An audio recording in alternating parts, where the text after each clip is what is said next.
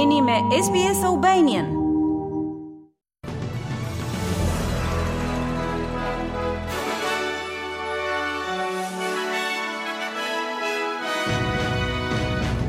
Në buletinin e sotëm informativ do të ndiqni. Partia Laburiste e New South Walesit deklaron se nuk do t'ua shesë tunelin e Western Harbour investitorëve privatë. Qendra e azilkërkuesve po i bën thirrje qeverisë të mbështesë legjislacionin e ri për refugjatët në det të hapur. Dhe në tenis, Novak Djokovic pëson humbjen e tij të parë të sezonit. Dhe vijojmë më gjerësisht me lajmet. Partia Laburiste e New South Walesit është zotuar të mbajë 60 dolar në javë taksën e tunelit ende në ndërtim të Western Harbour, si dhe ta mbajë tunelin pasuri publike. Projekti do të reduktojë ndjeshëm trafikun për makinat që udhëtojnë nga Sidni perëndimor në veri të qytetit, duke ulur kohën e udhëtimit në 20 minuta. Kontratat për ndërtimin e rrugëve që janë në fuqi nga qeveria e New South Wales do ta bëjnë Sidnin qytetin me taksa të qarkullimit rrugor më të larta në botë, ku përfitimet nga ato taksa arrijnë në 115 miliard dollarë. Udhëheqësi i opozitës, Chris Minns, vuri në dukje se taksat e marra nga qeveria tashmë kanë paguar për disa projekte kryesore të rrugëve dhe nuk ka nevojë që tuneli të shitet tek investitorët privatë. Privatization has wrecked the government balance sheet, it's added costs to families, it's meant the household budget has been smashed and it has been the central economic narrative and policy Privatizimi ka shkatërruar bilancin e qeverisë, ka rritur kostot për familjet dhe ka qenë një politikë qendrore ekonomike e qeverisë së New South Wales-it gjatë dymbëdhjetë viteve të fundit. Nëse qeveria do të rizgjidhet, mund të vini bast se tuneli i portit perëndimor do të privatizohet nga liberalët e New South Wales-it, ka thënë Minns. Të gjelbrit duan të rrisin normën e taksave për llogaritë e pensioneve me fitime të larta, në mënyrë që të sigurojnë mbështetje për ndryshimet e propozuara nga qeveria. Qeveria ka propozuar që të dyfishojë normën e taksave mbi fitimet nga llogaritë e pensioneve nga 3 milionë e lart në 30% që nga mesi i viteve 2025. Të gjelbrit mbajnë balancën e pushtetit në Senat, ku qeveria ka nevojë për mbështetjen e partisë së vogël dhe të paktën dy kandidatëve të pavarur për të miratuar legjislacionin. Ka thirrje për uh, qeverinë federale që të marrë masa për mbështetjen e refugjatëve në det të hapur.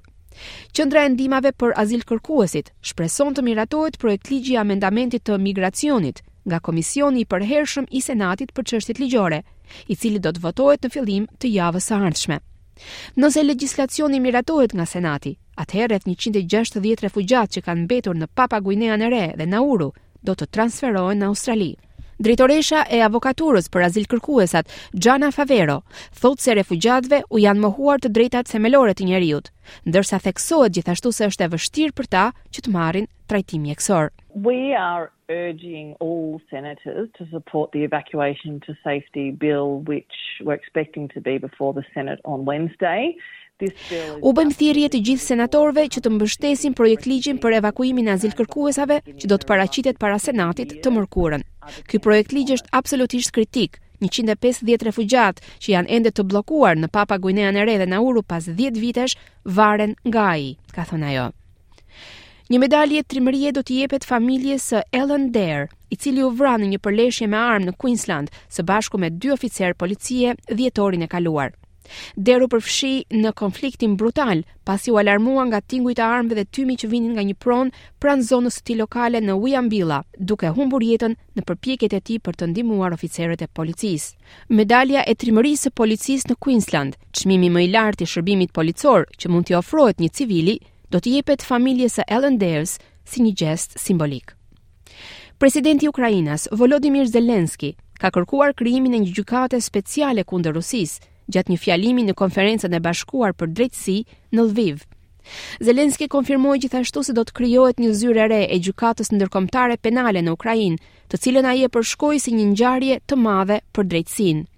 Ndërkohë, forcat ruse vazhdojnë përpjekjet e tyre për të kapur qytetin Bakhmut në lindje të Ukrainës, ku konfliktet po përshkallëzohen. Zelenski e përshkroi Rusinë si një shtet terrorist, duke shtuar se Ukraina synon t'i ndëshkojë ata për krimet e tyre, të cilat përfshijnë përdhunimet e shumta të të rriturve dhe fëmijëve.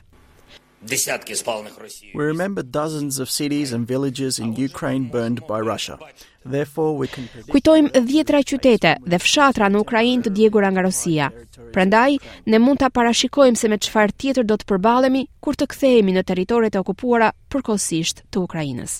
Sekretarja e shtypit e Shtëpisë së Bardhë, Karine Jean-Pierre, vuri në dukje se marrëdhëniet e Kinës me Rusinë mund t'i vështirësojnë marrëdhëniet e tyre me Evropën. Komentet e Jean-Pierre vijnë pasi Shtetet e Bashkuara hyjnë në diskutime me aleatët e tyre në lidhje me potencialin e vendosjes së sanksioneve ndaj Kinës, nëse zbulohet se ajo po i ofron Rusisë mbështetje ushtarake ose të një lloji tjetër. Në këtë pikë, nuk ka shenja se rusët janë ndihmuar në ndonjë mënyrë nga Pekini, me zyrtarët amerikanë që theksuan se ata po mbajnë nën vëzhgim lëvizjet e Kinës. Ndërsa në Indonezi, qindra njerëz janë detyruar të evakuohen pasi një stacion karburanti në Xhakarta u përfshi nga zjarri duke vrarë 17 njerëz dhe duke lënë mbi 50 të plagosur. Sipas zjarrfikësve lokalë, dy nga personat që humbën jetën ishin fëmijë, ndërsa numri i të evakuuarve vazhdon të rritet duke kaluar tashmë shifrën 300 njerëz. Qeveria indoneziane ka njoftuar se ata do të mbulojnë të gjitha shpenzimet mjekësore të të djegurve në këtë aksident.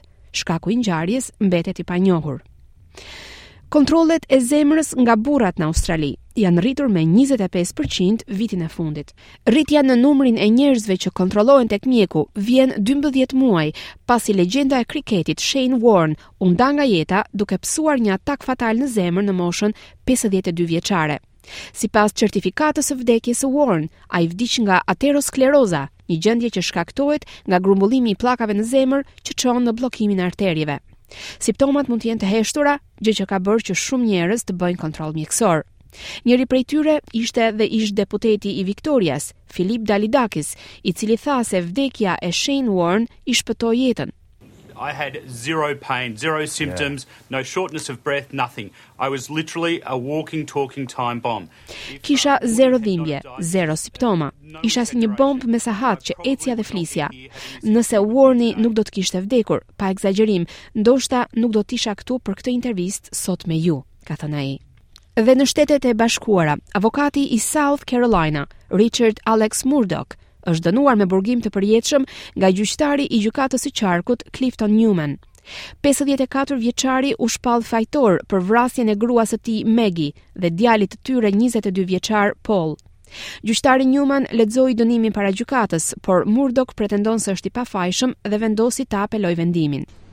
Mr. Murdaugh, I sentence you to the State Department of Corrections on each of the murder indictments in the murder of your wife, Maggie Murdaugh, I sentence you for a term of the rest of your natural life. Zoti Murdaugh, ju dënoj për secilën nga akuzat e vrasjes, për vrasjen e gruas tuaj, Maggie Murdaugh, dhe për vrasjen e Paul Murdaugh, të cilin ndoshta e keni dashur shumë, ju dënoj me një dënim të përjetshëm.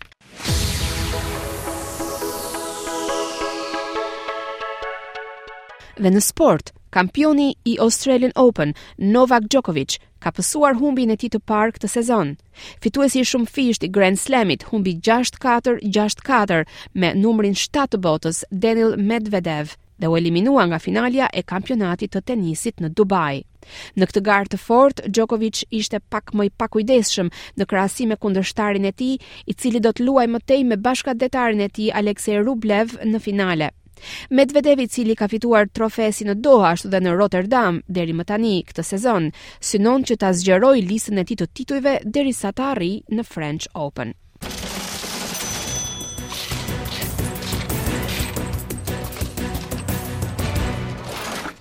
Do të kalojmë tani në kursin e këmbimit të valutës australiane. Një dollar australian sot këmbehet me 73 lekë shqiptare, 0.63 euro, 0.67 dollarë amerikanë dhe me 39.30 denarë të Maqedonisë së Veriut.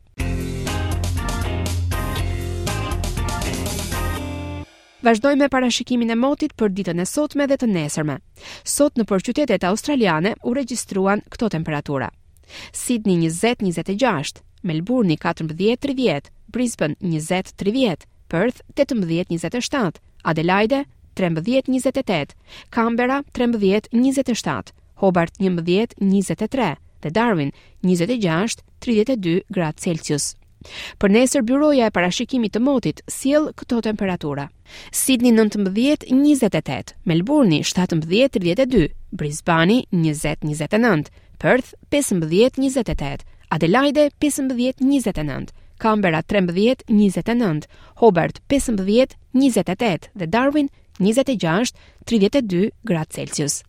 Dëgjuat edicionin informativ.